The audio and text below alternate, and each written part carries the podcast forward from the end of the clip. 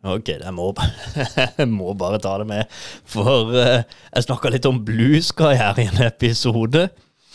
Og eh, da hadde Det er morsomt, altså. Det, det skjer så mye nytt når det er nye Hva skal de kalle, kalle ting? Sånn som du hadde Twitter, da. ikke sant? Så en post hos Twitter, det kalles jo for en tweet.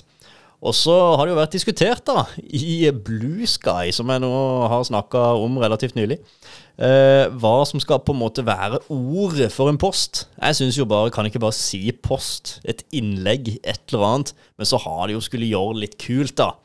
Så nå så endte de opp da til slutt med skit. Som ja, vi legger ut en skit, skal vi skite litt, eh, et eller annet. Det de har funnet ut i ettertid, da, Uh, og dette her viste jo ikke jeg heller. Men altså, de har jo funnet ut at uh, skit uh, Jo, det betyr også, da, i enkelte miljøer, at ejak altså ejakulering av, av sæd.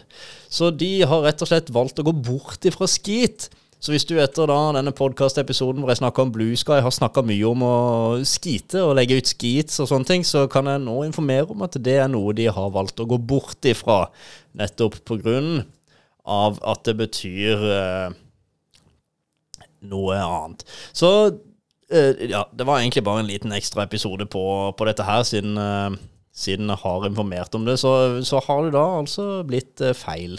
Ikke feilinformert, for de hadde faktisk gått for uh, skit som, uh, som, sitt som sitt prefererte ord når det kom til å legge ut en post på Blue Sky. Men nå er det oppdatert, og nå er du oppdatert. Det var egentlig bare det.